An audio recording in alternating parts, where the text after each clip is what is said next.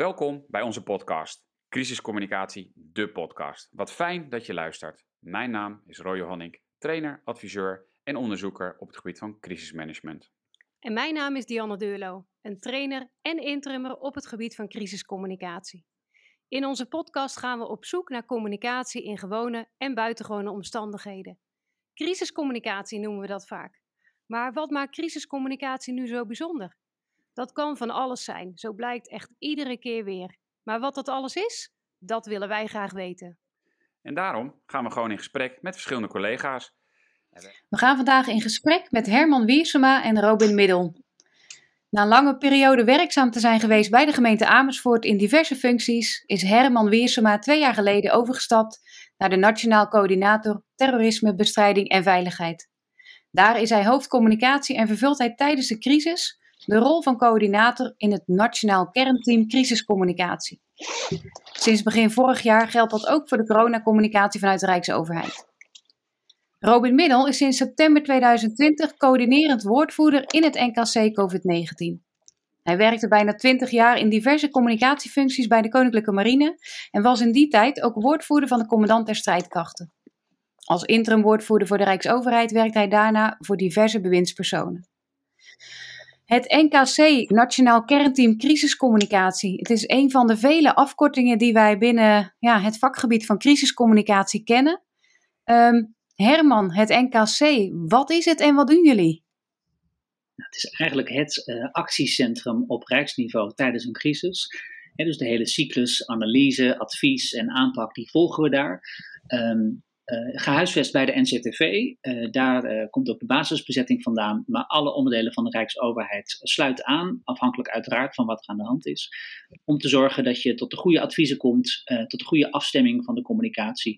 En vervolgens ook in de uitvoering tot ehm, datgene komt wat er nodig is. Sinds begin vorig jaar, ik denk eind januari, begin februari, dus ook actief op COVID-19 heeft in de zomer even elders ehm, eh, gelegen, die functie. Maar sinds oktober vorig jaar eh, weer terug in de NKC-vorm.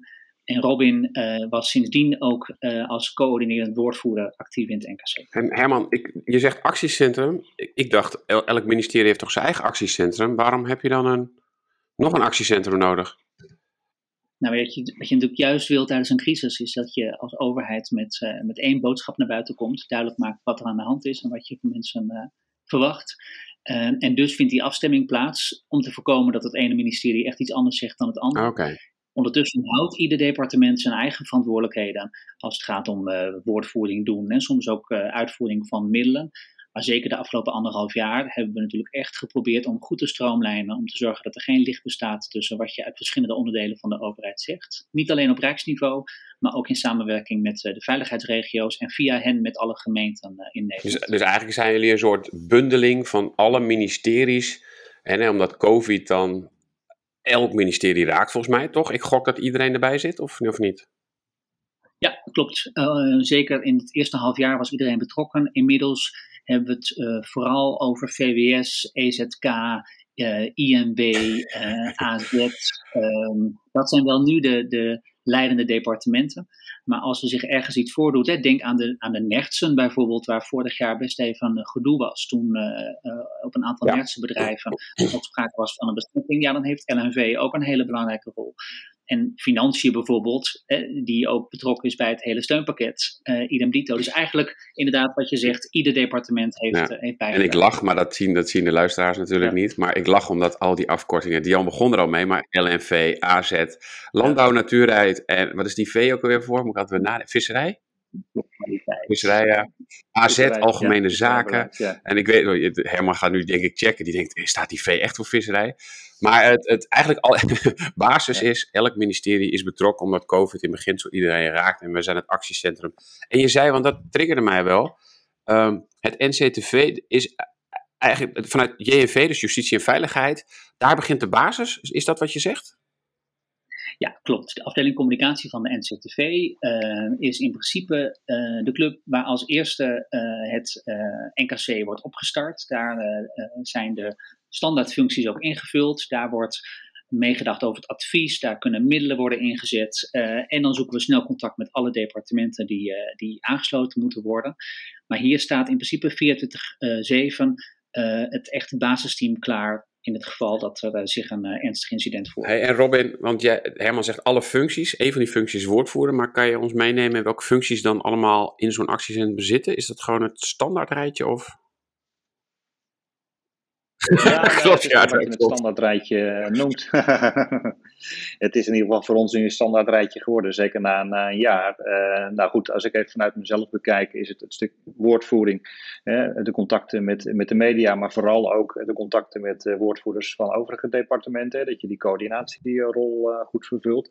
Dan zit daar media-analyse en social media gebruik bij, hè? dus zeg maar zowel het monitoring als het daadwerkelijk plaatsen van social media berichten.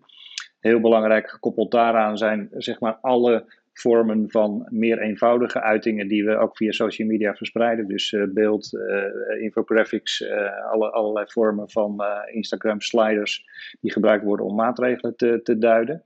Dus dat is even ruw gezegd de kant die um, um, op de actualiteit zit.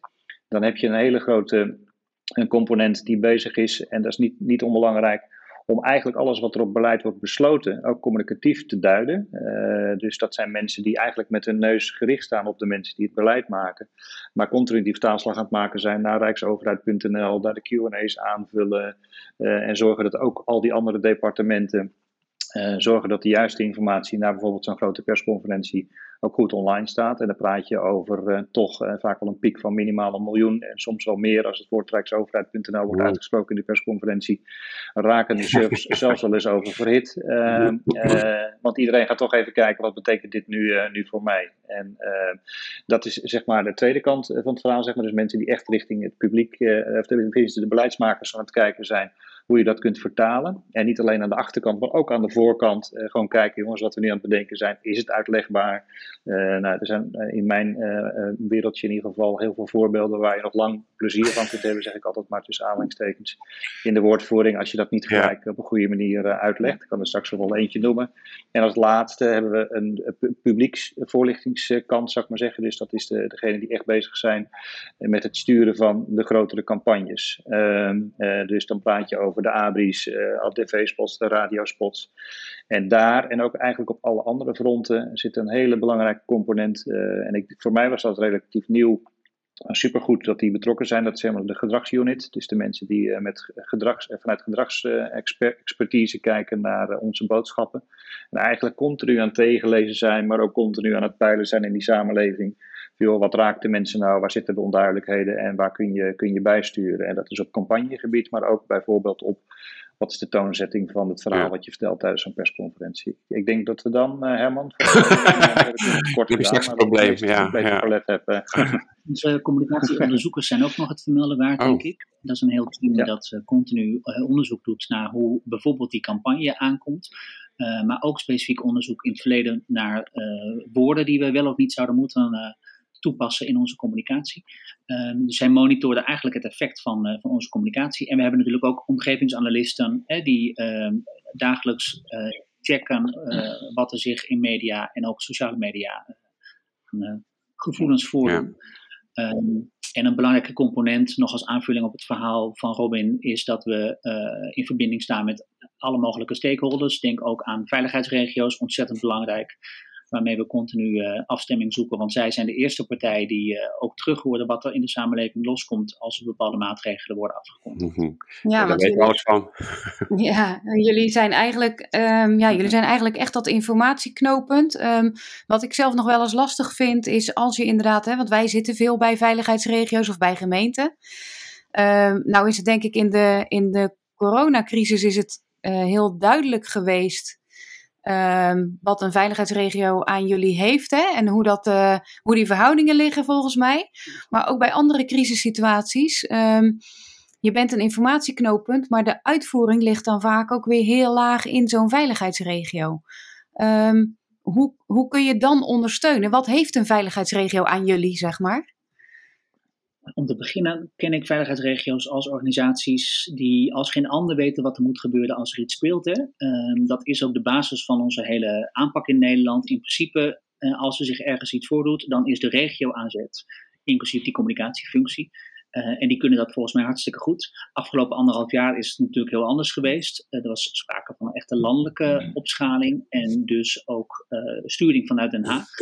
Um, maar het NCC, het NKC staat altijd klaar voor veiligheidsregio's om te adviseren, om mee te denken, eventueel ook om middelen in te zetten. Het 0800 1351 nummer is uh, speciaal uh, bedoeld om uh, ingezet te worden tijdens een, tijdens een opschaling, tijdens een incident. En ook daar kunnen veiligheidsregio's aanspraak op maken. Dus zo hebben we een, een, een palet aan voorzieningen. En we werken natuurlijk continu samen om kennis uit te wisselen, ervaringen te delen. Maar zo, zo bond als we het afgelopen anderhalf jaar hebben gemaakt, zal het niet, niet snel weer worden, denk ik. Als het gaat om de manier waarop we met elkaar hebben samengewerkt intensief bijna dag en nacht. Ja, nou, laten we het hopen dat dat inderdaad uh, uh, niet vaak meer nodig zal zijn. Um, het stroomlijnen van, van, van al die communicatie, um, dat zeiden jullie allebei in het begin, een van jullie taken. lijkt me een enorme uitdaging, lijkt me een enorme klus om ja, de neuzen dezelfde kant op te krijgen en met één mond te spreken. Robin, hoe doe je dat als coördinerend woordvoerder? Ja, dat, dat begint natuurlijk al door al aan, aan de voorkant van. Hè, eigenlijk praten we in deze crisis iedere keer over een, een soort van twee, drie wekelijkse cyclus. Waarin we enerzijds maatregelen afkondigen. Vervolgens zie je één of twee weken later zie je het effect hè, daarvan in de besmetting of in de ziekenhuisbezettingen die naar voren komen. En dan rol je automatisch alweer in de, in de volgende besluitvormingslus. Waarbij je nieuwe besluiten moet gaan nemen. Tenminste, zo is het afgelopen jaar gegaan. En gelukkig nu uh, een stuk, uh, stuk minder.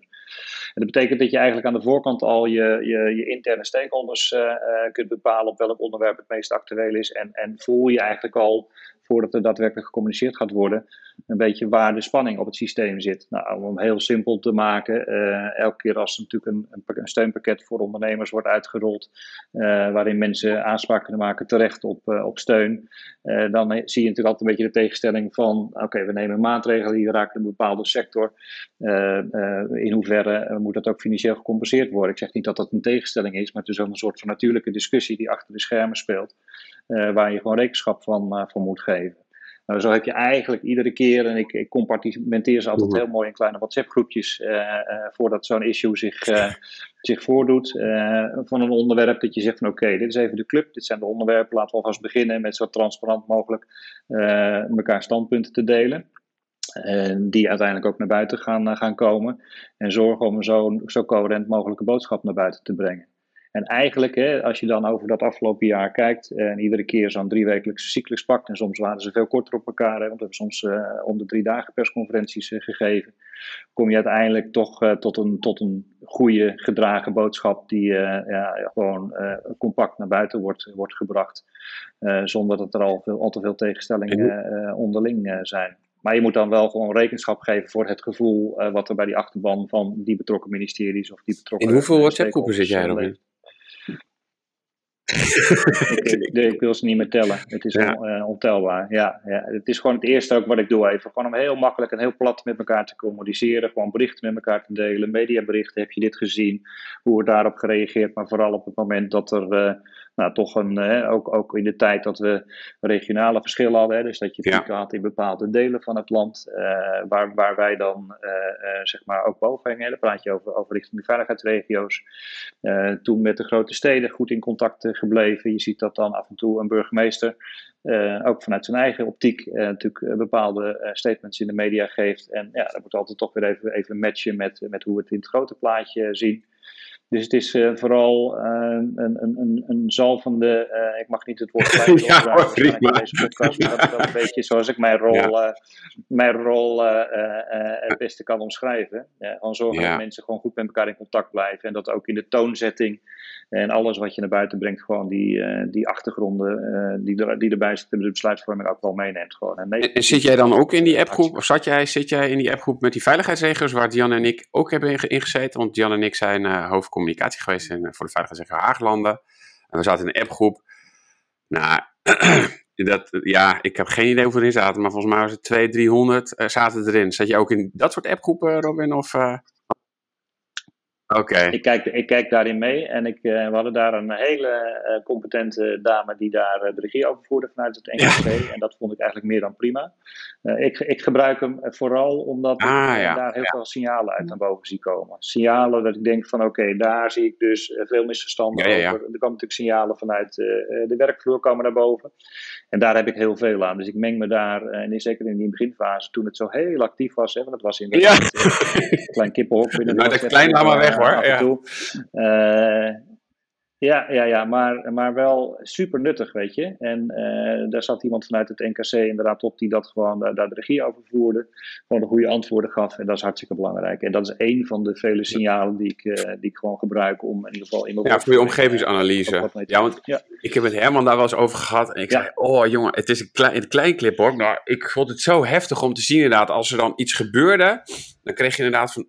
Wij zijn ook als, als communicatieofficier, als woordvoerder, zijn we ook gewoon mensen in de samenleving die met alle vragen hebben. Dus dat ging niet. Het ging helemaal los. En ik dacht, of oh, wat ben ik blij dat ik niet bij het NKC werk, dacht ik af en toe.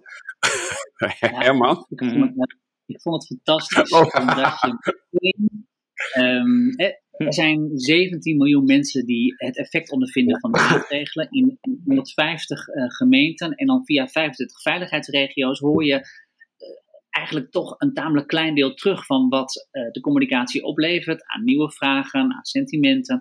Ja, het is ook een hele mooie manier om heel snel te kunnen bijsturen. En om die veiligheidsregio's de gelegenheid te geven om hun rol weer goed te pakken naar die gemeenten.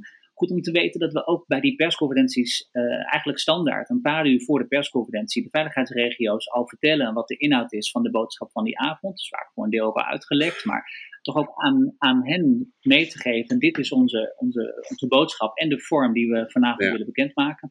Dat levert altijd vragen op, soms heel gedetailleerd en soms heel algemeen. Maar het, het helpt ons ook om in die laatste uren nog eh, boodschappen aan te scherpen. Om goed voorbereid te zijn op, uh, op bepaalde vragen. Dus het is ook een manier om meteen feedback te krijgen. En dus dat, dat uitlekken is dan een strategie van jullie als NKC? Of, uh... Robin lacht al. Nee. Ja, het antwoord is nee, maar het is wel, uh, het, het gebeurt. Uh, en dat heeft ook te maken gewoon met uh, nou ja, gewoon, de politiek en de politieke omgeving waar besluitvorming in, in plaatsvindt. Um, het, is, het is zeker geen instrument.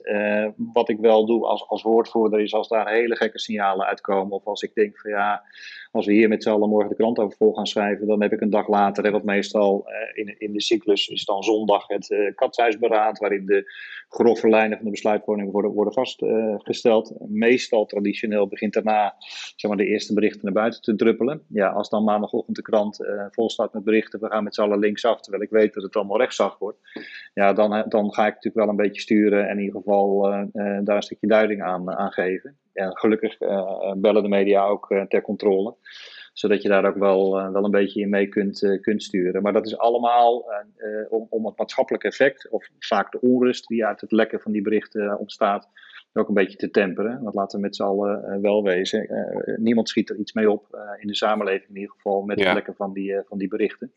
Het leidt vaak tot, tot veel onrust en het leidt ook vaak vanuit de brancheorganisaties van de, de, de, de, de, de, waar de maatregelen op, op effect hebben, ja, tot veel, ja, veel mediaberichtgeving, ja, die niet altijd voor een rustig beeld zorgen. Dus, dus ja. um, het is een feit dat het er is. we gaan er denk ik goed mee om. Um, en het zal ook nooit weggaan, denk ik. Ehm, maar ja, ja. Het is een belangrijk onderdeel van de dagen voor de persconferentie. Dat was ik even vergeten, want jullie krijgen natuurlijk vanuit het katshuisoverleg. Um, we hebben het over het actiecentrum, het NKC. Maar eigenlijk, als je hem gaat vergelijken op veiligheidsregenniveau, zou er dan ook, zou er dan ook iets moeten zijn als NKC, eh, of als, sorry, als bij het katshuisoverleg van, uh, ja, hoe krijgen jullie dan daar, hebben jullie daar ook nog een communicatieve vinger in de pap, om het zo maar te zeggen? Of, uh...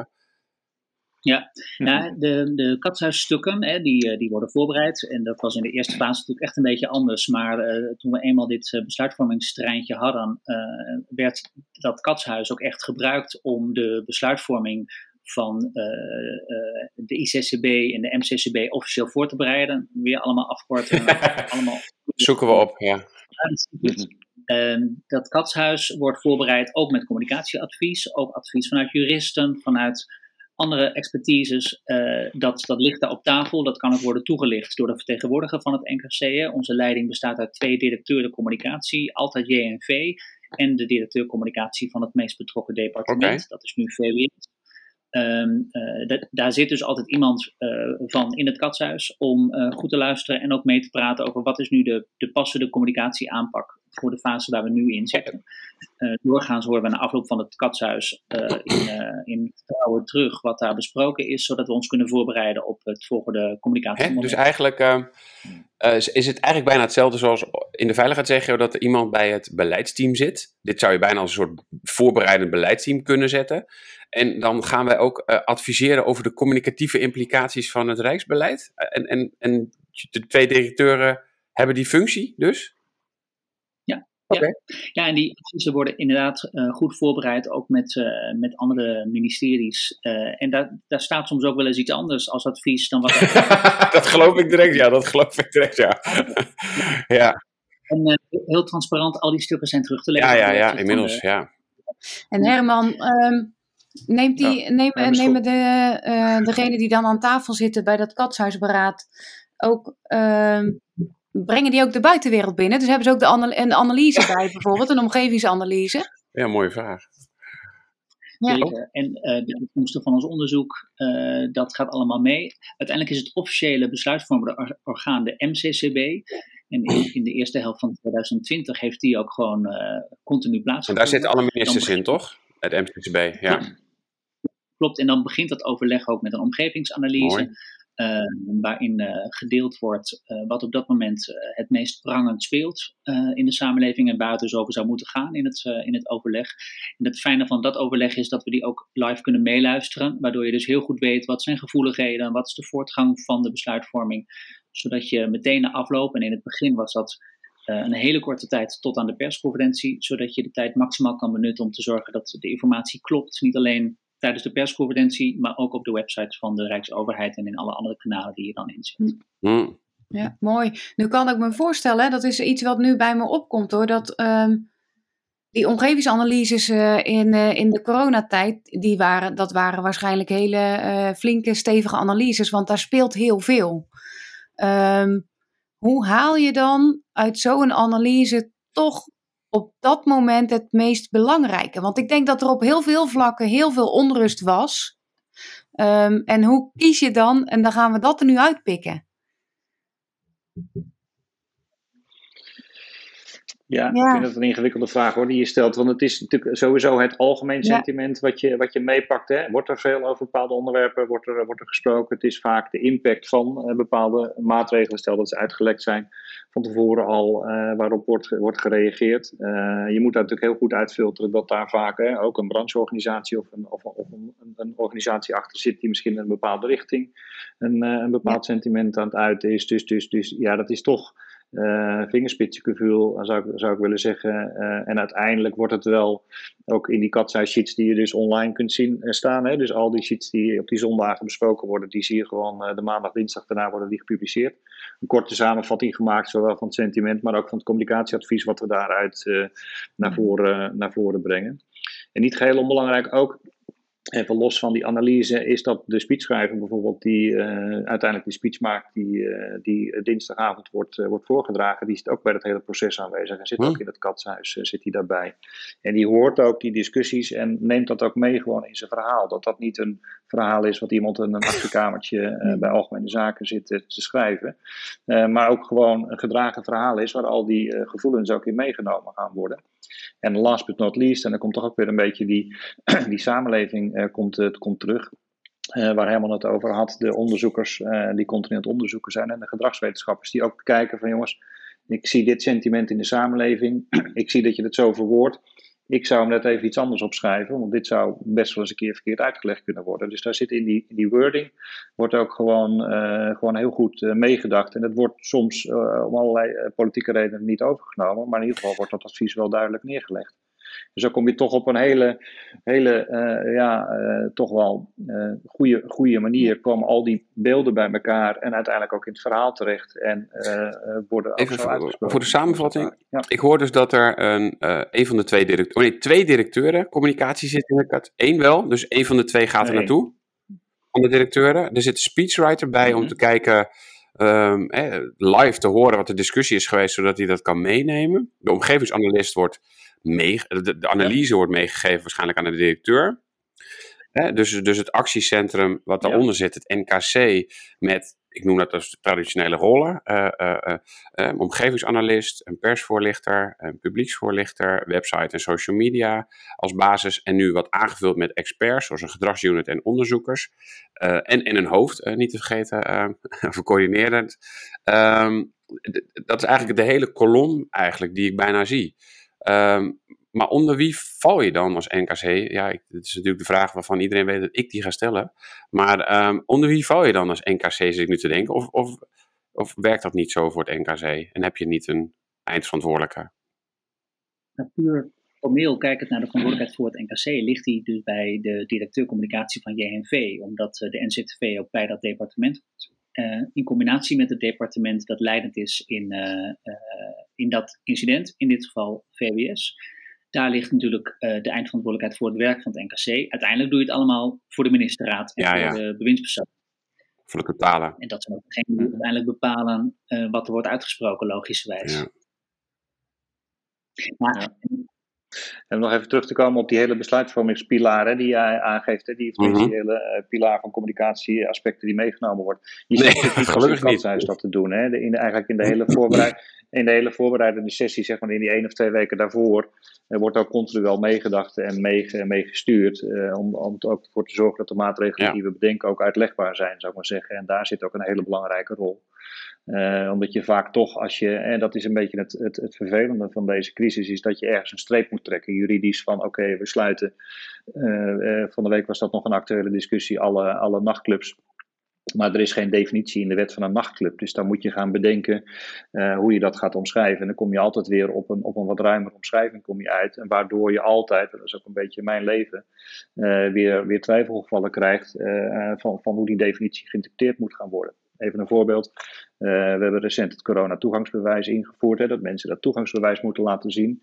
Maar we hebben met z'n allen bedacht dat in een wegrestaurant dat niet nodig is. Want dat is de kantine van de internationale chauffeur. Dus als jij aan de snelweg een wegrestaurant hebt, hoef je je coronatoegangsbewijs niet te laten zien. Mm. Is juridisch helemaal vastgelegd. Maar dan is natuurlijk de definitie van een wegrestaurant best interessant. Eh, want iedereen die een restaurant aan de weg heeft, dat zijn er best veel in Nederland. Eh, die zeggen dan, ja, maar ik ben ook een wegrestaurant, dat ja, ook aan de weg. Nou, dat is een beetje gechargeerd. Maar je ziet dan dat in die dagen daarna wel een hele discussie ontstaat over nou, wie dan wel, wie dan niet. Is het ook een provinciale weg, is het de snelweg? Nou, dat, soort, dat soort dingen. Uh, nou, in dit geval kwam die een beetje aan de achterkant, maar zul je eigenlijk aan de voorkant kun je daar al, uh, al behoorlijk in mee sturen en denken. En, en eigenlijk zijn het iedere keer die definitiekwesties die ons best lang uh, bezighouden nog in de dagen daarna. Zeker in ja, en dat vind ik, dat, heb, dat ik weet het, ik heb Herman op een gegeven moment geappt van, joh, ik denk dat de, veel mensen zich niet realiseren, die misschien wel in de appgroep uh, zaten, zei ik tegen, heb ik Herman geappt, van dat ze weten dat het NKC eigenlijk zo goed is als het ministerie wat de informatie aanlevert. Dus is een ministerie laat met informatie of is een ministerie uh, wat vaag is informatie, dan straalt dat, denk ik, aanname, maar dat vraag ik aan jullie, ook volgens mij op jullie af. Dat iedereen denkt, jeetje, dat NKC, maar terwijl ja, jullie zijn ook afhankelijk, denk ik, van de ministeries en van de, de kracht van het ministerie en van de inhoud van het ministerie. Of, of maak ik hem nu te zwart-wit? Nee, dat is helemaal waar. Ik, ik heb wel het gevoel dat je er als één team voor staat hoor. En dat het NKC dus kan bijspringen als een departement af en toe even wat, wat extra handjes uh, kan uh, gebruiken. Uh, en andersom, dat je ook vanuit het NKC kan zeggen, nou dit is misschien wel de boodschap die jullie hebben voorbereid, maar zou je niet hier nog even aandacht uh, aan besteden? En is daar wel goed over nagedacht? Er is heel veel ruimte in die samenwerking. En dat is natuurlijk ook als je anderhalf jaar zo intensief samenwerkt, dan ontstaat er ook een cultuur waarin je elkaar wel wat durft te vertellen. Waarin je elkaar scherp kunt houden. Um, net zoals je in de hele structuur en de manier waarop je met elkaar overlegt, hè, natuurlijk bijna allemaal digitaal, um, ook continu zoekt naar hoe kunnen we nu het beste halen uit deze samenwerking wat erin zit. En dat is denk ik best goed gelukt om dat nu tot een echt treintje, tot een machinekamer te laten zijn. Die um, tamelijk geolied, uh, met elke dag weer kans op verbetering, maar toch tamelijk goed functioneert. Ja, en ook al ben je een geoliede machine, en dan denk ik wat Robin zegt, want ik heb, ja, ik heb gewoon eens gekeken en ik heb het zelf ook ervaren. Op dit moment zitten we misschien in een periode ja, hoe dan ook, je doet het nooit goed, heb ik bijna het idee. Welke communicatie ook uit gaat vaardigen, er zit zoveel licht. En dit is soms in juridisch, zoals jij zegt, Robin. Maar soms ook, en ik weet nog wel, zomerkampen wel, uh, uh, groep 8 kampen niet. Um, avondklok, wel, wel sporten, maar niet zwemmen. En ga maar door. Het is, het is continu, en dat lijkt me het meest lastige, zeker voor jou denk ik als woordvoerder. Ja, jij moet iets uitleggen waar je misschien zelf ja, die je zelf niet eens kan uitleggen? Of... Ja, kijk, en, en op dat, dat soort momenten komt ook de waarde van zo'n onderzoeksteam wat aan je gekoppeld is, komt naar, naar voren. Want dat zijn natuurlijk allemaal signalen, pulsen, wat ik al aangeef. Er zit vaak ook nog een bepaalde lobby zit daar, eh, zit daarachter, uh, welk signaal het hardst naar voren, naar voren komt. Maar die, die peilingen die dus regelmatig gedaan worden, daar zie je ook gewoon uit wat het draagvlak is. En dus, daar komt eigenlijk een veel rustiger beeld uit. Dus je moet je wat dat betreft niet gek door, door laten maken. En ook dat soort signalen gewoon in je achterhoofd meenemen. Ik, ik realiseer me dat in een zeg maar, klassieke crisis uh, waar alles veel sneller gaat, uh, je dat soort luxe niet hebt. Maar in onze, in onze crisis. Maar vind je dat niet moeilijk? Luxe Gewoon voor jezelf als persoon, dat je denkt van, poh, ik moet de hele tijd dingen uitleggen omdat het eigenlijk beleid niet goed is. Ik ga hem toch zeggen. En dan moet ik het maar weer rechtbreien als communicatieadviseur. Ja, nou, kijk, en het mooie van waar wij, waar wij zitten bij dat NKC, wij zitten dus uh, ingebed eigenlijk bij de beleidsclub met een club juristen. Ik doe tien stappen naar rechts en dan zit ik midden in die beleid en zeg jongens, leg het mij uit. Ik snap het niet. En, en 9 van de 10 keer krijg ik dan toch wel, uh, zeker vanuit die verschillende disciplines, daar een uitleg bij. Ik denk van ja, ik, uh, uh, ik geloof het, ben er niet blij mee, maar ik geloof het wel. Um, en dan is dat ja, ook richting de media. ja, en, en ja, de hoeveelheid gezeik, die blijft op dit moment toch wel gelijk. Uh, ja, nou ja, wat ja. ik zeg, kijk, je trekt ergens een streep. Dus er zit altijd iemand aan de verkeerde kant van de streep. En die zal altijd daar terecht opkomen voor zijn, uh, voor zijn, voor zijn visie en zijn manier, uh, manier van denken.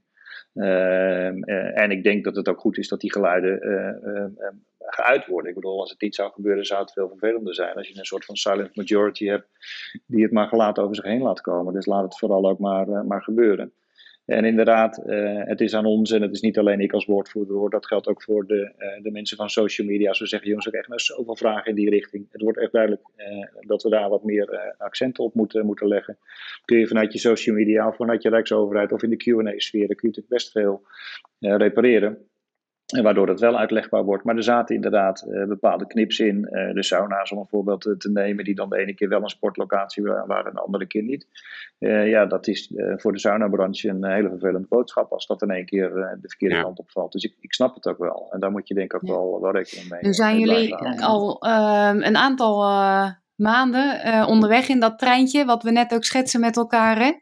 Uh, ik denk een hele bewogen, intensieve periode voor jullie geweest. Misschien nog steeds. Um, is er nou één moment um, waarop je terugkijkt wat het, wat, wat het meeste indruk op je heeft gemaakt? Of wat er voor jou echt uitspringt? Dat kan positief, negatief zijn, hè? Maar, want het is nogal wat wat er op ons af is gekomen. Misschien een lastige vraag hoor, om dat nu opeens ja. zo te noemen. Maar jeetje, je maakt zoveel mee. En uh, uh, werktechnisch dan. En uh, is er iets waarvan je zegt, of, of een leermoment waarvan je denkt: oké, okay, dit heb ik nu geleerd, dat ga ik altijd zo doen? Nou, wat me in het algemeen wel is opgevallen, is dat je vermoedt tijdens een crisis dat er in het begin een periode is waarin je heel duidelijk moet vertellen: dit kan er wel en dat kan er niet. En dat dat na verloop van tijd misschien wat minder wordt. Hè? Dat er meer ruimte is voor interpretatie. Hè? Dat je iets meer over de filosofie van de aanpak kan spreken dan over hele specifieke maatregelen. En dat is eigenlijk niet gebeurd. Anderhalf jaar lang was het nodig om ook heel duidelijk die, die um, detailuitleg te geven van wat kan er wel en wat kan er niet. Uh, en dat heeft ook te maken met, met de aanpak waarvan we eerlijk is eerlijk weten dat die in het begin heel erg ondersteund werd. Hè. Er was heel veel um, ondersteuning van de aanpak en ook van de communicatie vanuit de overheid. Ja, dat is na een half jaar echt heel snel gedaald en zit nog steeds ja, echt op een, op, een, op een negatief punt.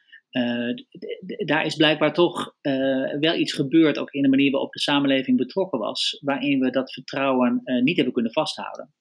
Um, en ik vind het heel interessant om, om de komende tijd, hè, want um, we gaan ervan uit dat we de kans nu krijgen om ons echt op evaluaties te gaan storten, om uit te gaan zoeken hoe, hoe is dat hier nou gegaan.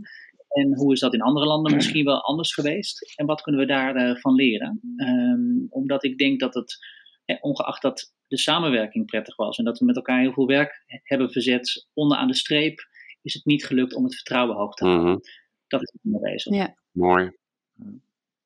En, en, en misschien om helemaal aan te vullen, uh, eigenlijk het meest complexe van deze crisis is niet zozeer geweest het opschalen van de maatregelen, maar eigenlijk juist het loslaten van die maatregelen weer. Omdat je daar dan keuzes gaat maken. Iedereen ziet dat je stapsgewijs die maatregelen weer moet, uh, moet gaan afschalen. Uh, maar dan ga je dus echt keuzes maken die ja, lastiger uitlegbaar zijn dan we zien dat de ziekenhuisopnames aan het stijgen zijn en we moeten nu ingrijpen, zou ik maar zeggen. Daar was toch veel meer draagvlak voor. Dus daar zie je eigenlijk al dat het complexe eigenlijk een beetje in het staartje zit, waar we nu eigenlijk middenin zitten. Uh, waarom uh, de nachtclub maar tot 12 uur open, noem maar even een dwarsstraat. Dat is natuurlijk een keuze die vanuit de optiek van de nachtclub-eigenaar, de nacht begint om 12 uur, uh, best lastig uit te leggen is. Maar als je naar het grote plaatje ziet en zegt, ja, we kunnen niet alles hè, als, als in het voorjaar in één keer losgooien, want daar hebben we van geleerd. Uh, prima, prima te duiden is natuurlijk. Dus het is, het is uh, ja, die balans zoeken tussen die twee. Uh, ja, en ik denk inderdaad een mooie om dat, dat vertrouwen, want dat vertrouwen is een van de belangrijkste doelen volgens mij ook altijd van crisiscommunicatie. Het vertrouwen verdienen, behouden. ik, ben, ik ben ook wel benieuwd wat daaruit komt als we dat evalueren. Om te kijken waar, waar heeft dat in gezeten? Hoe komt dat? nou, en dat we daar ook weer van kunnen leren uiteraard. Ja. Ja, ja, ja. En, dan, en dan is natuurlijk, uh, angst is een slechte raadgever, maar in het begin zagen de mensen natuurlijk de beelden uit Italië, eh, volle ziekenhuizen en hadden ook allemaal wel iemand in hun omgeving die iets hadden meegemaakt. Vanuit mijn eigen omgeving, mijn zoons zijn wat, wat ouder in, de, in de dans met Jansen piek, zal ik maar zeggen, de disco, de disco piek. die hadden echt gewoon en masse mensen om zich heen die, die besmet raakten, zou ik maar zeggen. Ja, dan is het ook niet zo heel ingewikkeld om te zeggen, ja jongens, we zijn net even een stapje te ver gegaan. Uh, maar juist in deze fase, waarin het allemaal een beetje sluimert, alles weer een beetje normaal begint te lijken. En ja, normaal, enigszins normaal naar de kroeg konden nee. al voordat het CTB er was. Ja, dan, dan wordt eigenlijk wat, wat een versoepeling is, uh, wordt gevoeld als een verzwaring. En daar zit best een interessant... En, spreken die zoons jou er dan op aan? Van ja, pap, jullie hebben het niet goed gedaan. Want jij, jij, jij bent ook betrokken bij de overheidscommunicatie. En, en jij hebt dat dansen met Jansen erdoor laten gaan. Of, of worden die grappen niet gemaakt? Nou, kijk, het grappige is, die kijken natuurlijk uh, geen tv en die lezen geen kranten, maar die zijn donders goed, zijn die op de hoogte. En dat gebeurt toch via hele andere kanalen. Dat vind ik ook wel weer interessant, uh, want ze weten donders goed hoor, wat er speelt. Uh, en ja. ze spreken mij er gelukkig niet op aan, niet hardop. Ja, het lijkt me heel, ik vind het een mooie reflectie inderdaad. Um, ja, wat, wat jij zei Herman, van ja, ondanks um, dat we misschien nu wel zoveel geleerd hebben, zo'n geoliede machine zijn, dat wil niet zeggen dat we... Um, ja, ik ga hem toch gebruiken, succesvol zijn geweest. Want we hebben ook niet het vertrouwen hoog weten te houden. En dat zie ik ook aan je, dat dat wat met je doet. Um, dus dat, dat vind ik wel uh, uh, mooi. Um, nou, en dat, dat geldt denk ik ook wat Robin zegt, uh, daarnaast als reflectie. Van ja, um, sommige dingen zijn ook gewoon, en ik vind, dat vind ik ook een mooie, het, het, het op, opschalen van de maatregelen is makkelijker uit te leggen dan het afschalen. Dan raakt het mensen nog meer en dan, dan gaat het echt over keuzes, waarom die wel, waarom die niet. Want ik heb al zoveel verdriet. Dat is ook wel een mooie reflectie, had ik er niet naar gekeken uh, nog. Uh, want ik, ja, ik, ik, ben heel eerlijk, ik benijd jullie af en toe niet uh, in de positie waarin jullie, jullie zitten. Dus um, als je, zijn er dingen die je um, nog anders had willen doen dan? En ik heb wel eens gegrapt over die WhatsApp-groep, dat ik echt dacht, oh jongen, 200 man in die WhatsApp-groep, kippenhok. Maar, maar zijn er andere dingen nog die jullie anders zouden doen als NKC? Of heb je die allemaal toegepast? Dat kan natuurlijk ook. We hebben natuurlijk heel erg dat, dat onderzoek gedaan om sentiment te meten. Om uh, ook te achterhalen welke maatregelen hebben meer en minder draagvlak. Niet omdat je je beleid wil baseren op uh, wat de samenleving wel of niet prettig vindt. Uiteindelijk gaat het om die effectiviteit. Maar je weet ook als een maatregel wordt ondersteund door de samenleving, wordt die beter nageleefd. Ja. Dus in dat opzicht hebben we steeds geprobeerd om heel goed te luisteren naar wat er, uh, naar wat er leeft. Maar ja, tijdens een crisis is er geen ruimte voor participatie. Om je beleid te toetsen in de samenleving. Dan moet je heel snel besluiten nemen. Maar als je nou anderhalf jaar geleden had geweten dat het anderhalf jaar zou duren, dan had je misschien toch ook in dat proces waarin je de samenleving een rol geeft om die goede afweging te maken, had je misschien iets anders opgebouwd dan wat we nu anderhalf jaar hebben voortgezet. Dat komt bij mij als eerste boven als je deze vraag stelt. Ja, maar dat is bijna niet te doen natuurlijk. Want moet je kijken wat voor Poolse landdag je dan zou hebben. Dat, is, ik denk bijna een utopie om dan, om dan branches mee te nemen, een totaal overzicht. Want ik ben natuurlijk ook wel zo'n criticus die zegt van ja, in het begin keken we veel te eng naar het probleem. Was het een infectieziekte waar we naar keken? Vervolgens was het uh, het, het frame, we kijken naar de zorgcontinuïteit. En langzaam begon ook het, uh, de samenleving als, als entiteit of als, als, als frame te gebruiken. Dus ja, dat is, dat is inderdaad met de waarheid van, van nu. Maar ik denk, ja, om iedereen dan mee te nemen, ik geef je te doen hoor, in je beleidsvorming uh, bij zo'n groot incident. Dus uh, ik, ik snap dat je dat zegt. Robin, jij nog? Ja, nou ja, ik, vind, ja, ja, ik, ik merk jouw hele negatieve uh, uh, insteek als het gaat om onze mooie uh, normale WhatsApp-groepen.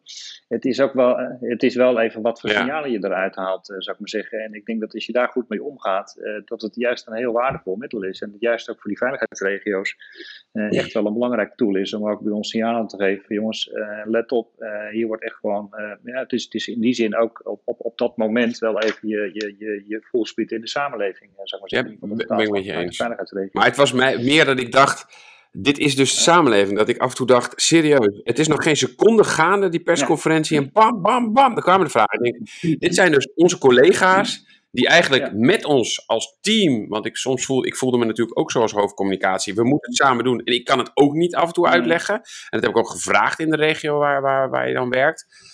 Ja, maar die dan meteen die er zo op zit, denk ja jongens, kom op zeg, denk even mee met ons in plaats van dat je in de tegenstand gaat. Dus daar zat misschien soms mijn aversie.